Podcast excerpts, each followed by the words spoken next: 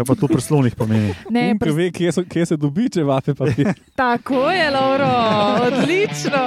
To je, to je ideja, ne pripada.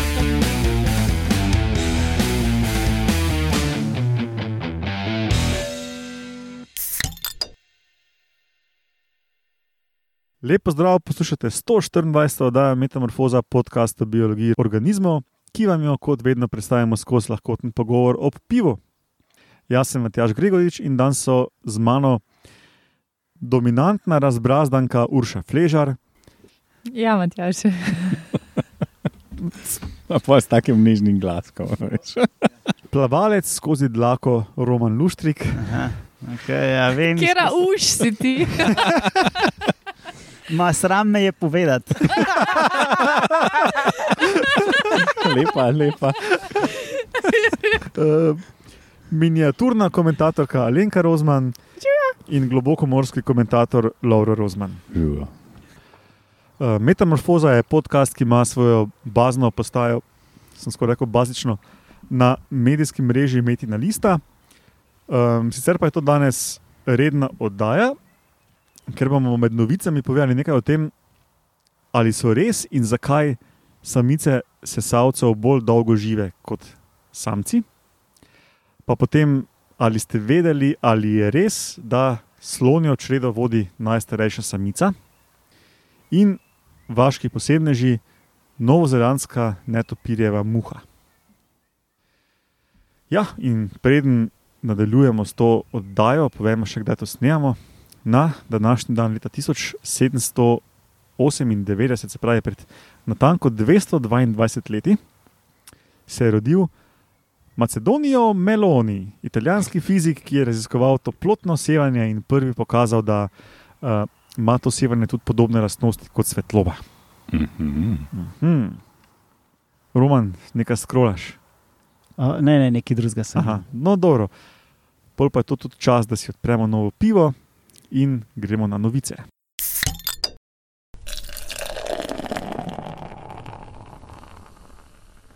Ok, začnemo torej z dolgo živostjo samic, glede na samce pri sesalcih. Za ljudi je to kar dobro znano, da ženske živijo dlje kot moški. To vsi vemo, zakaj pa ne bomo komentirali, ker so leht. To je to. Vsi za to mizo vemo, kako ti je hudo, Lauro. Ja, vse vem, saj vem. Saj zato lahko to povem. ne. Ker vem, da hitreje laufam od moje že. No, in um, v, bom rekel, državah pod narekovaj prvega sveta ne, je ta procent, da ženske živijo 2 do 6 procentov dlje. Recimo, ne, ne vem, Švedska je recimo bolj proti 2 procentom, Amerika tam okoli 6 procentov. Pa tak, ne. Imaš pa tudi, tudi kakšna ljudstva, ki, so, ki imajo bolj izvoren način življenja, ko je pa ta procent tudi prek 15. Recimo, ne. Ja, da če se tipi pokoljejo med sabo. Prijemo še tja. Ali pa umrejo, ker so na lovu, ker jih pač oriks prepirša z rogovi. No piercing. No, ampak zanimivo, kar sem napovedal v prejšnji oddaji, je pa zanimivo, da pa sploh ni dobro raz- raziskano, ali je pa ta neka dolgoživost samic neko splošno dejstvo za sesalce. Ne?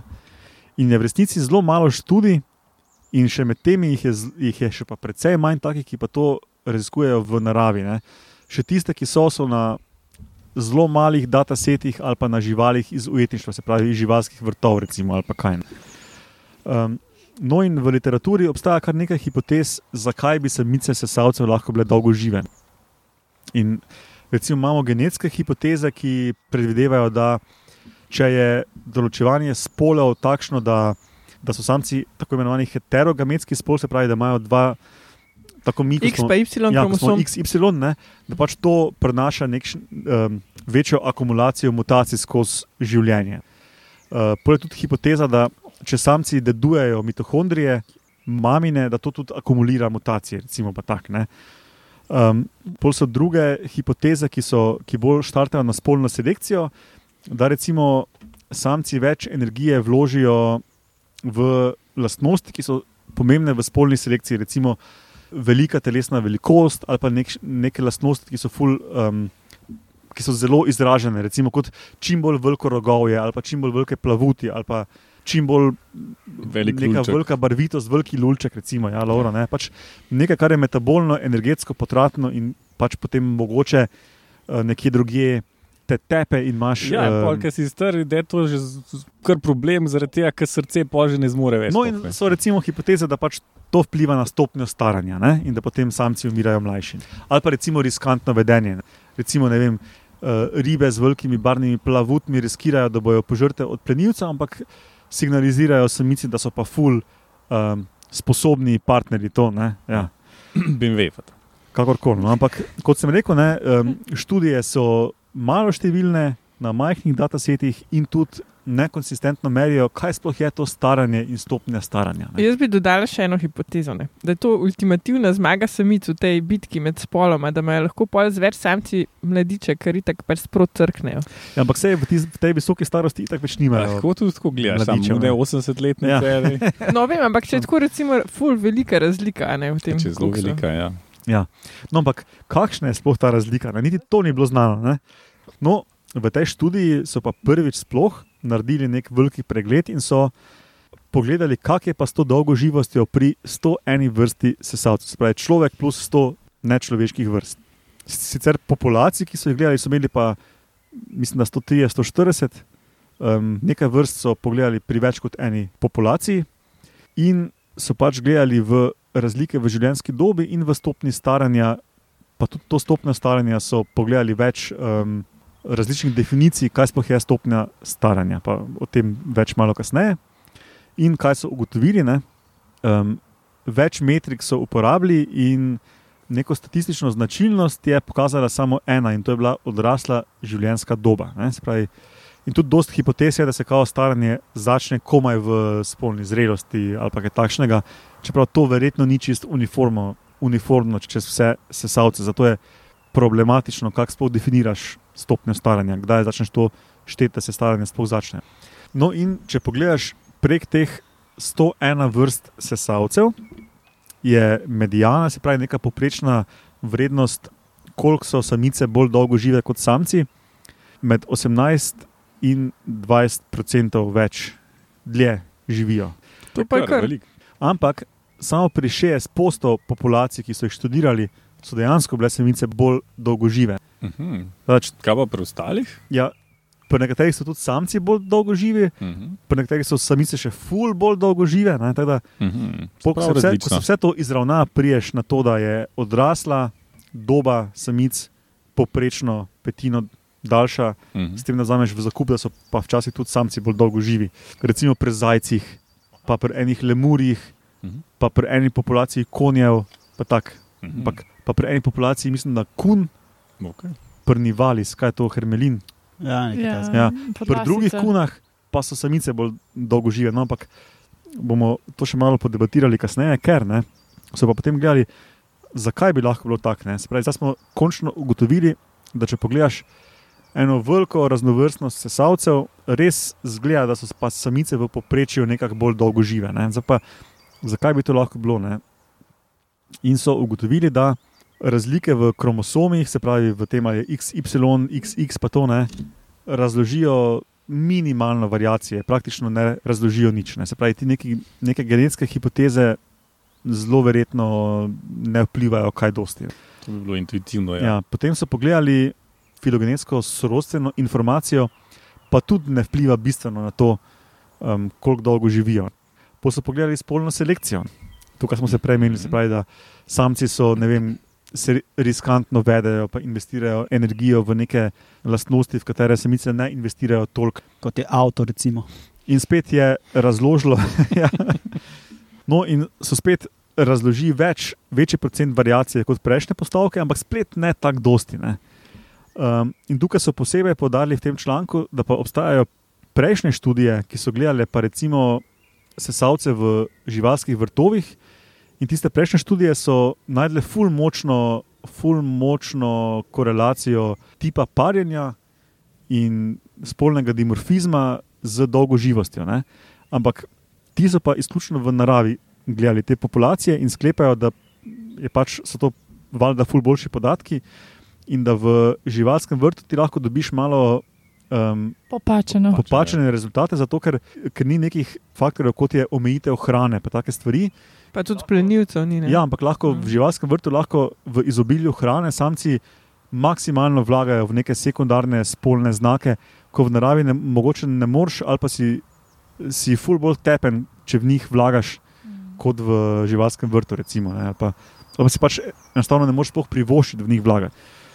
Sklepajo v tem članku, je nova hipoteza, da je največji faktor, največji procent variacije v dolgoživosti razložijo neke trenutne spremembe v okolju, neke trenutne okoljske razmere, ki potem vplivajo na spolne znake, ki potem vplivajo na tvojo dolgoživost. Ne, se pravi, da če je letos neko čudno leto in je ful parazitov, ali pa je dolga zima, manjko hrane, ne vem kaj, ne, se bo to ful bolj poznalo na dolgoživosti, kot pa neposredno neki, neka, um, nek genetski. paritveni tip ja. ali pa neka genetska predispozicija ali pa nekaj. Ne. Zakaj to bolj vpliva na tipe kababe? No, mislijo, da vplivajo okoljski parametri prek spolne selekcije. Ampak se, Se pravi, če si jelen, pa je slabo leto, pa ti pol tega, kar poješ, porabiš za to, da ti zrastejo rogovi, si na slabšem, ker če si Ja. ja. košuta, pol te ful bolj zjebe. Ja. ker lahko vse, kar poješ, vlagaš v Mladiča. V tem smislu. Še vedno mislijo, da grejo mehanizmi prek znakov spolne selekcije, V, mm. ampak da je ful večji faktor, so trenutni. Lahko da je neko leto, ko ful vpliva na plodnost samic, pa se bo obrnil trend. Ne? In pol imaš, mislim, da so imeli ene štiri populacije konjev tukaj. Ne? In je bilo v eni populaciji, so bili samci ful bolj dolgo živi. Kar pomeni, da je verjetno v tisti populaciji so bile neke okoljske razmere pač takšne, da so do tega privedle. Ko lahko čist obrnejo trend. Zanimivo. Tako da ja. Zdaj smo to ful zakomplicirali. ja. Tako res. Se pravi, pod črto potegnjeno, zgleda, da je res spolna selekcija tista, ki privede, da so samci, da samci živijo manj, ampak kdaj pa živijo manj in koliko manj živijo, pa pogojuje okolje. Ja, Zelo stohastično. Ja. Teda je težko je napovedati iz tega, da ti veš, kak paritven sistem ima vrsta. Moš še zraven vedeti, kakšno leto bo, da veš, kaj se bo zgodilo, ne? koliko bojo dolgo živi en in drugi spol. Ok, pol pa je čas, da gremo na ali ste vedeli.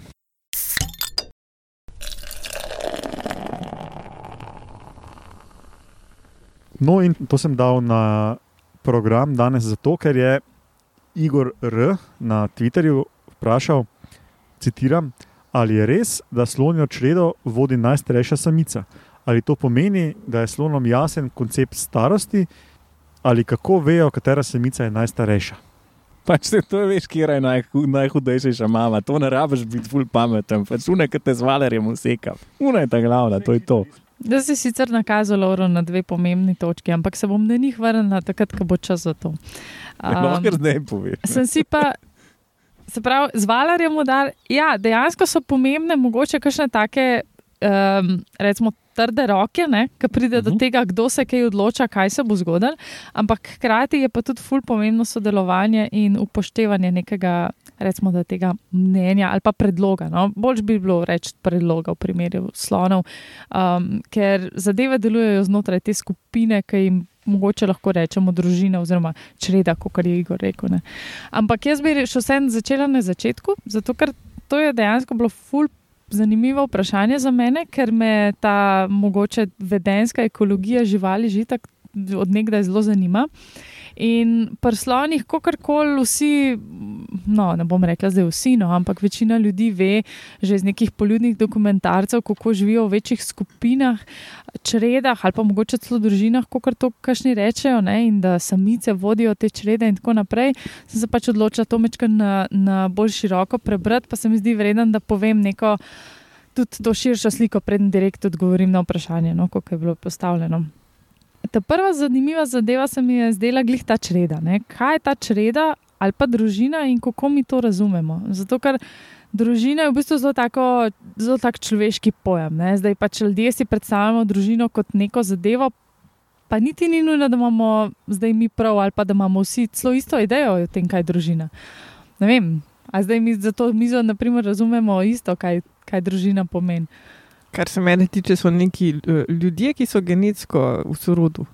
A ta pa mama načeloma ni zaželena, da sta genetsko sorodo. Ne, ampak krafta med mulce, ki pa so z njima obema Pa če še babi zraven, je tudi fajn, da je vsaj z nekom. gre, tako Da, če, me vprašaš, da je pol to družina. No? Ja. Jaz sem pri tem vprašanjem razmišljal bolj o volkih, da gre za neko vertikalno, vertikalo genetske sorodnosti, se pravi, da imaš ti moče stare starše, pa koga od njunih potomcev, pa se pravi vnuke od teh starih staršev, recimo v neki skupini. To bi jaz razumel kot družino. Recimo, ne. Čeprav po volkih je samo dvojna generacija, mislim, No, no, ampak- sta starša pa potomci, ampak ja, da, to je ta prva definicija družine, ki jo najdeš na nekih takih, um, recimo, da slovarjih. No, ampak zakaj sem slone omenil, ker sem ob tem vprašanju pomislil na to, ne, da pr, eh, slone, volkove. Um, volkove so dolgo razkovali v živalskih vrtovih, ker so jih nametali skupaj vseh vetrov in potem so se oni sfajtali za to, kdo bo pod narekovaj dominanten, potem pa pogledaš v naravi, so pa to starši in otroci. Ne? In me je zanimalo, ali boš ti ugotovila, da mogoče pri slonih podobno, ali pa mogoče ful ni. Ne? Mhm. Teda, ja. No, ta druga definicija družine je ta, da je to skupina osebkov, ki živijo v skupnem gospodinstvu, naprimer, ne, če spet človeško. Ampak se pravi, da ni nujno, da jih veže neka ta sorodnost. In Ki se naslonijo en na drugega. Pa so štiri ljudje, ki živijo skupaj v eni študentski enoti družine. Po tej Um, definiciji, ja. po tej definiciji, ja, zato ker imajo tudi drug do drugega neke dolžnosti, dolžnosti in skrb. Se pravi, mogoče, če si ne vem, delijo to, kdaj kdo kuha, kdaj to pospravlja, ne, na kakšen način si delijo skrb za avto, ki imajo mogoče samo enega. Ja, pa bi to bila po tej definiciji družina. In pri slonih je v bistvu na nek način podobno. Ne. Zdaj, ta prvi izraz, ki opisuje strukturo socialno slonjo, je po angliško se reče fluid fission fusion structure oziroma dynamics. In to, če bi prevedali, bi rekli neka taka tekoča, uh, združevalna, razdruževalna struktura te črede oziroma družine. Se pravi, sloni imajo v bistvu komuno. Tako je. V bistvu imajo štuk v študentskem domu. Ja, ja, In sploh, in sploh to ni eno nivojska, ampak Okej, je dva štuka. več, štirje štuki, če smo korektni. Spravi, celi vhod v študentskem domu v Rožni dolini v Ljubljani. Ne, tam je. Tako je. Ja. Pa še soseden blok, ima. da imaš še babice zraven. Uh, Loro, takrat, ko je hranil v izobilju, se pravi, ko so študentske žurke, naprimer Škisova, ne, takrat grejo vsi ven, se mal pomešajo in grejo drug od drugega od blok naprej živeti preostanek leta. Tako si lahko to predstavljaš. Ja, Dejansko. ne. to še enkrat, to je kar v bistvu dobra slika tega, Ja. je. kar se dogaja Ja. ja. študentom. Kako se zdaj kle smejite, da je to prvič vidite, pa Ja. slišite. Mislim, se Ja, saj, Ne, ker je Ja, pač ja. dobro. a Saj sem tudi jaz imel Armaflex pa spalko, ki je. Ja, ja, se spomnim, Matjaž, da si bil. Um, Nomadski. Ja, ja, zelo nomadski. pridružen član gospodinstva. Ja, ve, večkrat kje. Ja.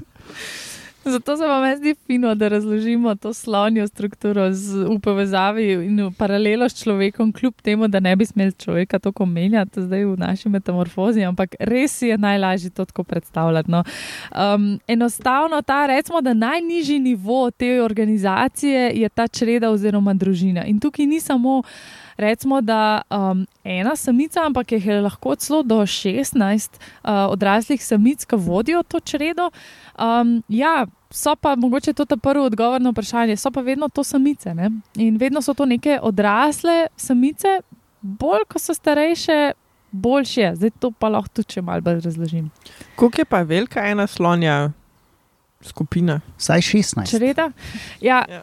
um, Vsaj 16 samic. recimo, da tako, recimo okrog 50 živali, uh, seveda je lahko večje ali pa manjše.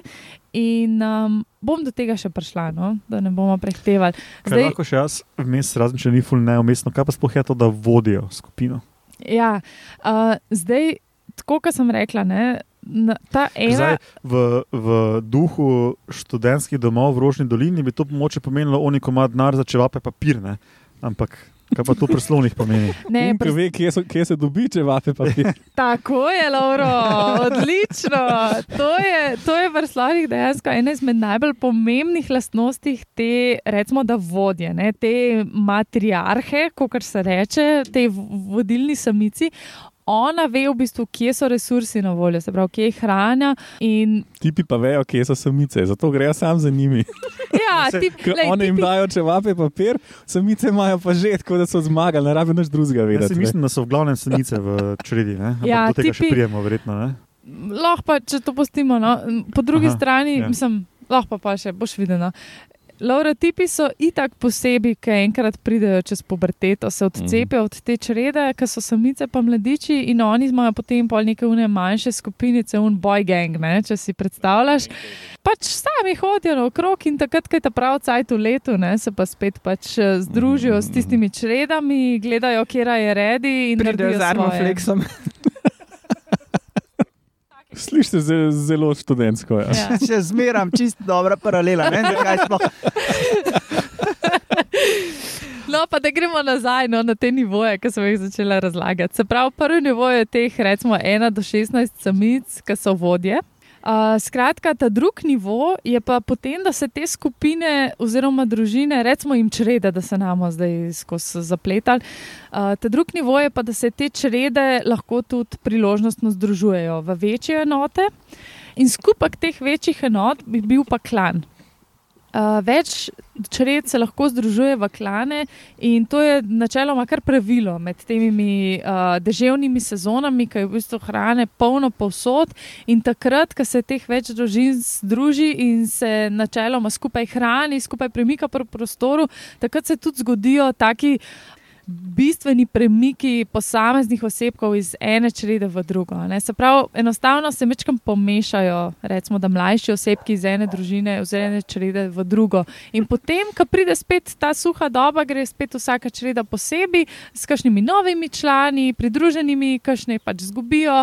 Um, načeloma te matriarhi, zapravo vodeče samice, pa ostanejo. Ne? Zato, ker več je vredno, če imaš ti samice v čredi, ki so starejše, ki dobro vejo.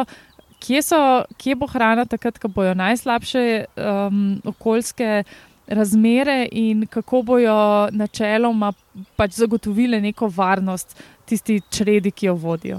Se pravi, samice, dokler so mlade, še živijo to svojo noro mladost, malo grejo sem, malo grejo ke, pa ko so pa starejše, eh, Ja. ja. urat je sventle, kje se da dobiti čevape papir. Točno ti pa to. kar pet kamor češ. Pol ratajo ziharaške in potem v bistvu dobijo tudi s tem neko zaupanje ostalih članov črede. Ne? Tako da tukaj se mi zdi, da tudi pridemo do odgovora na to vprašanje, ki smo ga dobili. Ne? Se pravi, so res tiste najstarejše samice, ki vodijo čredo.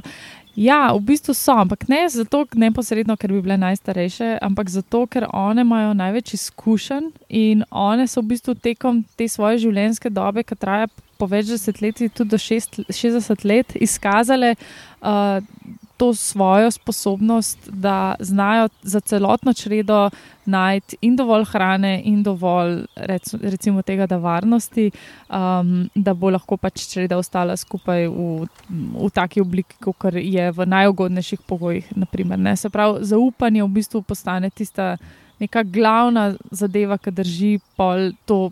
Skupino matriarhov, pač več samice lahko v eni čredi, a ne, um, ki jo vodijo in ki jim pač ostali člani sledijo. V bistvu imajo demokracijo. Sproti izvolijo. Dejansko, ja, dejansko res poteka tako. Ne. Tudi sem brala, mislim, ful mi je bilo zanimivo, tako da sem brala tudi, da niso vedno pač. Vse odločitve narejene strani teh vodečih samic, ampak kdorkoli v čredi lahko poda nek predlog, zdaj kam bomo šli, pa jutra. ne. Aha, se pravi, vejo, Ja, ljudje, raziskovalci znajo prepoznati, ko se neke odločitve sprejemajo v čredi To so v bistvu te študije, so ful dolgotrajne, bile tam v, v Afriki, še posebej v podsaharski Afriki, so spremljali skoraj po desetletje ali pa še več, kakšne črede ali pa klane, konc koncev, a ne, opazovali, seveda pa če v savani se da enostavno opazovati posamezne ali pa skupino čred slonov. Um, in so dejansko pač lahko gledali, kako se tudi te spremembe dogajajo in kako se pač sloni premikajo iz, iz ene črede v druge in kako potekajo te odločitve, kdo je tisti, ki poda nek predlog, kam bi šli No, naslednje. ampak to smo reči. Ja, se pravi, je možno iz našega vidika videti, kdo da predlog in da se Ja. potem nek predlog sprejme, in da to ni vedno, se pravi, to je ta fluidnost te skupine, Ja, da ja. to ni vedno isti osebek. Tako, ja, zato, ker ta repertoar komunikacije, ki ga imajo sloni, je ogromen ne, in v bistvu tudi kompleksen, in tukaj še nimamo vsega raziskan, ampak eh, je pa pač, recimo, da je tako markantna vrsta, da te osnove komunikacije pa poznajo raziskovalci, ne, tako da lahko vidijo. Meni se je zdelo pod vprašanjem Igora ful zanimivo. Um, je pa znano, kaj, na kak način pa sloni razumejo to neko vzpostavljanje hierarhije, koliko pač je tu hierarhije. No, ampak do neke mere sigurno je, verjetno. Ne? Ja, um, pač dejansko, mislim, kot sem brala, no, te študije uh, so gledale, se pravi, na kakšen način znotraj črede poteka to odločanje. Uh -huh. Ne? Se pravi, kdo so tisti sloni, in včasih so lahko tudi čist uh, mladiči, uh, ki dajo pobudo za neko, za neko aktivnost, in kdo so tisti sloni, ki potem nekako v narekovajih odločajo o tej pobudi. Uh -huh. In sloni, ki odločajo o tej pobudi, so ponavadi točno te vodilni, se pravi, te vodilne samice. In dejansko imajo tudi neka, neke vrste pogajanj znotraj črede. In eh, se pravi, spet te- vodilne samice in tudi ostali sloni, vsi sodelujejo pri tem.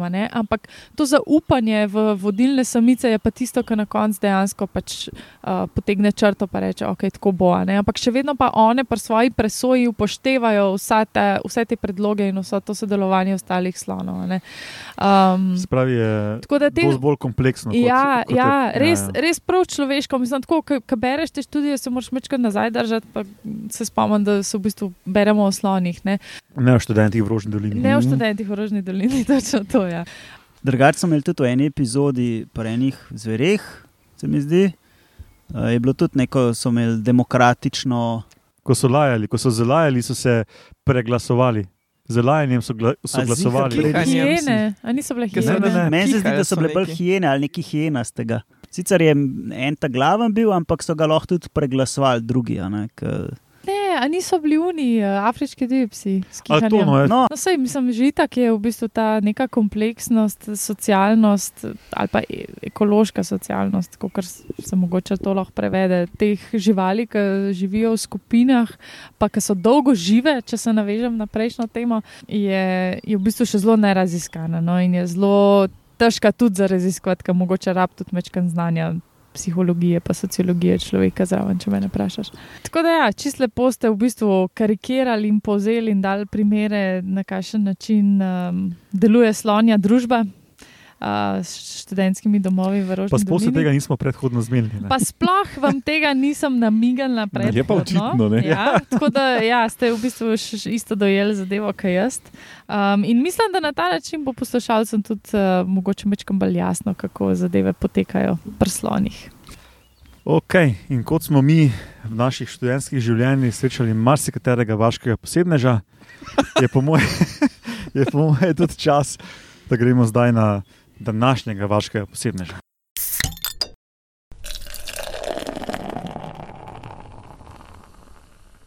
Roman, kaj imaš pa ti danes med lačnega? Jaz sem to pomenoval novozelandska netopirjeva muha. Plavalec skozi dlako, ja, to je. Ja. ja. To smo govorili o enih študentih, pa vaških posebnežih. No, ta vaški posebnež je Erasmus študent v Sloveniji, je prišel pa iz Nove Zelandije. Gre pa za novozelandsko muho, ki živi na netopirjih. Mista Cinobija zelandika, latinsko, če bo šel kdo uh, googlati, pa kakšen Y tam noter dajte. Gre za dejansko muho, se pravi, to, ta muha, ki pristane v, v, v juhi. Ne? Žlahta muha, ja. Ja, čista prava no, pač, tako. Ja. Se pravi, ima dva, dvokril, dva krila, ima pa ena tako majhne utripače od zadaj. To, pa take velike, muhe imajo tako velike oči, pr- pridem še do tega. Uh, no, to gre za novozelandski endemit, se pravi, najdemo ga samo na Novi Zelandiji in je velik tam ene 3 mm. Ne, si lahko predstavljate, da to ne more biti prav velik, če živi na netopirjih, saj en del. Znanstveniki temu rečejo, da je komenzal. Se pravi, to pomeni, da živi z netopirji, noben pa nima prav veliko tega, ali pa tudi na škodo benga ni preveč. Uh, pri teh muhah je izražen spolni dimorfizem. Se pravi, samci so čist drugačni od samic. Zato, uh, en ta prvi, ki je nesel znanstvenikom te muhe, proučiti je mislil najprej, da, se, da sta to dve, dve vrsti. Se pravi, to si lahko predstavljate muho. No, zdaj pa to muho strani dajte krila, pa oči, pa ful velike noge in naredite. Da v bistvu, No, okay. Polho, Ne, ne, ne. Pač, kot ten pajk zgleda. uš. Bolj kot už zgleda. Ja. Uh, okay. no, jaz, jaz si už drugače predstavljam. Pajk, ki nima velikega telesa. Uh, če kdo je igral StarCraft, tam Mhm. mm -hmm. note tam ena taka pošast, ki ima Zdaj je free. Dvojka. Aha, no, bom, pro, Mhm. bom probal. No, Uh, glavnem, take velike, ugle- ogromno velike noge so, ko okol hodijo. To, tako si lahko predstavljate to muho. Ja. Oh. Mhm. Sliko zdaj kažem. Pač velike noge ima, no, Kje to je. ima oči? Nima jih. A ja, nima jih. Ja, so uh, zreducirane, so, slepe so. S čim pa zaznava? A, se je pride, bom, bom, uh, povedal, če me fora. Se pravi, take velike noge imajo za prilagojene, ne, si lahko misliš, zato, da se pač lahko poštopajo na netopirju, da se lahko dobro primajo tam v tisto dlako, noter, da napadajo dol. Živijo v koloniji uh, in imajo en, ene vrste kasten sistem. Se pravi, oni živijo recimo nekje v, uh, tam, kjer živijo na topirju, eni votlinci v deblu, oni imajo tam v enem kotu to svojo kolonijo. In pač imajo nek ta kasni sistem, in recimo skupinsko odlagajo jajca in skrbijo za zarod. In kot sem omenjal, uh, pa danes smo že govorili o tej dolgoživosti samcev in samic. Uh, samci sicer eh, relativno hitro odslužijo svojo, svoje božje poslanstvo, ampak živijo kar še malo dol, in njihova funkcija je pa to, da se kar še netopir približa, oni začnejo nek take vibracije oddajati, uh, kot nek, jaz sem si predstavljal kot neko pihanje, uh, in s tem odganjajo netopirje stran.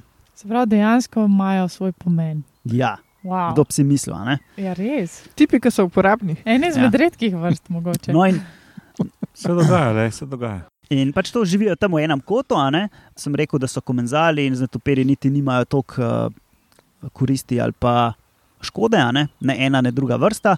Uh, in prehranjujejo se pa z guanotom. da jih Se pravi, imajo korist. Z drekcem. Ja, no, ampak ni pa, ne, a veš, ni pa neposredno na, na živali. Ne? Verjetno so specializirane na- netopirje, ta vrsta. ne. Ja, definitivno. No, ja, saj ja. to, torej imajo korist. Ne? So Ne povezali. živijo pa na telesu. Ne? Ja, ja. Tako. Se pravi, večino časa živijo pač v ti svoji, svoji koloniji, ampak pa pač rabijo pa kar drga- drgamet, pa zaštopajo kakšnega netopirja uh, in ta jih nese recimo nekam drgam, kjer je pač druga kolonija in tako se v bistvu lahko te muhe prenašajo. Um, Ne z vlastnimi krili, ampak z tako, prhuti. outsourcajo. Ja, ne. ja. Prevoz, Uh, temu ja. se Uber. reče kaj, lift. ali Ja, pa se mi imamo Uber. tudi noge, pa jih ne uporabljamo. Ja, toliko, ne. tako. Ja. In, in dajte si pogledati uh, to sliko, ki jo bo verjetno Matjaš prepel ali Pa v zapiskih. Ja. v zapiskih bo, ali pa če še enkrat rečem, Mista Cinobija zelandika. Ej, kaj pa, ki si rekel, da ima kastni sistem, tako kot čebele? Ali? Ja, pač uh, rudimentarno je, bolj tako, ni, Mhm. ni tako očitno, ampak uh, jaz sem mislim, da zasledil bolj sam to, da samci upravljajo Mhm. uh, to vlogo, pa da recimo skupaj skrbijo za zarod. a Ne, da pač ni, ni Se pravi, vsak neki zase. Subsocialni sistem. Neki, nekaj, ja, ne. tak zametki tega, Ja. take socialnosti. Kar je pač za dvokrilce, ne vem, jaz se ne spomnim, da bi bilo kaj. Da kakšne bi bili vrste. neki ful Jaz tudi na združeni. pamet. mm, Ja, pri kože krilcih, se pravi, pri kakšnih čebelah. Pa Ja. to, je Čebelah, itak- osah je tega dosti. Ja. Ja. Skratka, te novozelandske muhe so iz vseh vidikov legitimni posebneži. ne. Ja. Nimajo oči, uh, nimajo kril, Ja. so na pol socialne, pa štopajo na netopirjih. Ja. Pa jejo Pa jejo, okay, to, da jejo drek, pa je kar. To je manj, to je manj posebno. Ja. Ja, se za muhe kar ja, spodobno. v Ja. redu, ja. No, ampak to, da nimaš kril, pa oči, a ne, to je nekaj, kar definira skupino. Mhm. To Ampak pa je so, posebno. Ja. to so, se pravi, sam samci štopajo na netopirjih, ker samice imajo krila in lahko Ne, odletijo. ne, vsi so brez. Aj, vsi so. Ja, ja, ja. okay. Ampak so pa si ful različni. Samo drugač brez. Ja. ja. Kot sem rekel, pač spolni dimorfizem. Aha, ne. pa seveda sem pozabil povedati, da je pa tega vaškega posebneža nominiral Žan Kuralt, ne, ki je tudi bil nekajkrat pri nas v podkastu um, kot strokovni gost pri črnih dovah, pa še ene dvakrat je bil tak čist tak zraven. In prinesel je uh, donacije, Ja, kot jih lahko tudi vi. Ja, če imate domače suhe klobase, Bodite kot Žan. v redu, ok, hvala Roman. Pol pa je to, to za 124. oddajo Metamorfoza, ki ima svojo spletno bazno postajo na medijskem mreži Metina Lista. Imamo tudi Facebook stran, predlagam vsakemu, ki ga biološke novice tega tipa zanimajo, da zajadra tira, pa si malo pogleda. Um, so bolj sproščene in tudi malo bolj znanstvene novice med njimi, um, ampak kar nekaj, ki jih ne uspe priti v podcast. Posledite. Smo tudi na Twitterju, tam smo pod hashtag Metamorfoza, Roman je tam pod Etermunov in jaz pod Etmatjaš Gregorič. Drugače vseh pet dobite na e-mail metamorfoza.afnametina.si. Um, hvala vsem poslušalcem za razne odzive, deljenje, donacije, valjda za poslušanje. Hvala vam štirim za sodelovanje, sovodenje in se slišimo prihodnič. Pa, pa. Ajde. Ja.